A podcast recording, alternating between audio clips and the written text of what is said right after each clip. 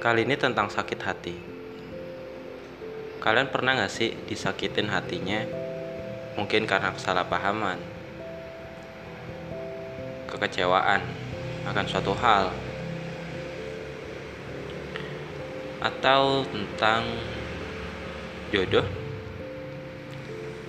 Tiba-tiba dia nggak milih dia karena udah dilamar orang lain, bisa jadi. Atau kita ditinggalkan oleh orang yang kita cintai meninggal.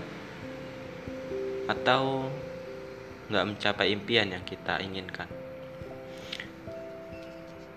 Banyak hal yang membuat kita sakit hati dan kecewa tentunya. Termasuk diriku. Tapi pernah nggak sih kalian ada niatan buat bunuh diri kok kayaknya hidupku nggak berguna ya? Bawaannya kecewa aja. Merasa hidup yang gak ada apa-apanya. Lihat orang rasanya iri dan ya membandingkan gitu. Tapi aku pikir gini sakit hati itu kan hal yang wajar ya. Semua orang pasti pernah lah merasa sakit hati cuman ada orang yang unik nih dia bisa menyembunyikan rasa sakit itu dengan senyuman yang manis.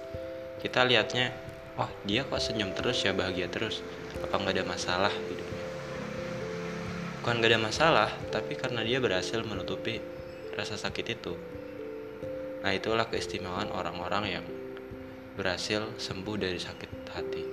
Secara nggak sadar sebenarnya respon kita terhadap sakit hati itu mempengaruhi pola pikir kita ke depan nasib kita ke depannya.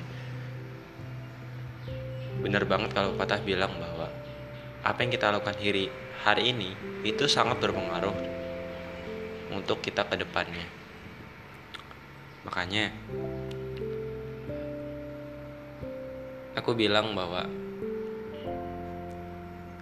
wajar setiap orang itu sakit hati tapi orang itu punya respon untuk memilih memasukkan itu dalam hati atau membalasnya dengan kebaikan. Nggak menyimpan dendam dan benci.